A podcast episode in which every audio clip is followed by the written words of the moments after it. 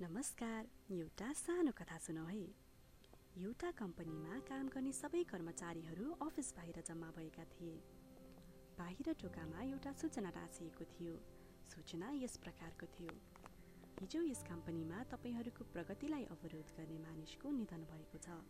सबै कर्मचारी मित्रहरूलाई श्रद्धाञ्जलीका लागि उपस्थित भइदिन हुन अनुरोध छ। सुरुमा त सहकर्मीको मृत्युको समाचारले सबैलाई दुखी बनायो। त्यही पनि सबै जान्न आतुर थिए।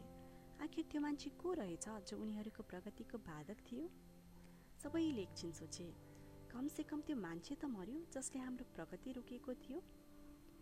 एक एक गरेर कर्मचारीहरू कफिन नजिक गए। जब उनीहरूले कफिनभित्र हेरे सबै अचमित्र शब्द भए। कुनै चिजले उनीहरूको अन्तरात्मालाई छोयो। कफिनभित्र त एउटा ऐना पो थियो। सबैले त्यो ऐनामा आफ्नो अनुहार देखे।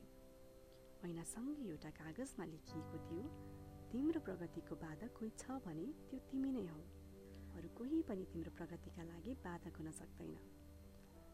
हाम्रो जीवन परिवर्तन तबसम्म हुँदैन जबसम्म हामी परिवर्तन हुँदैनौँ।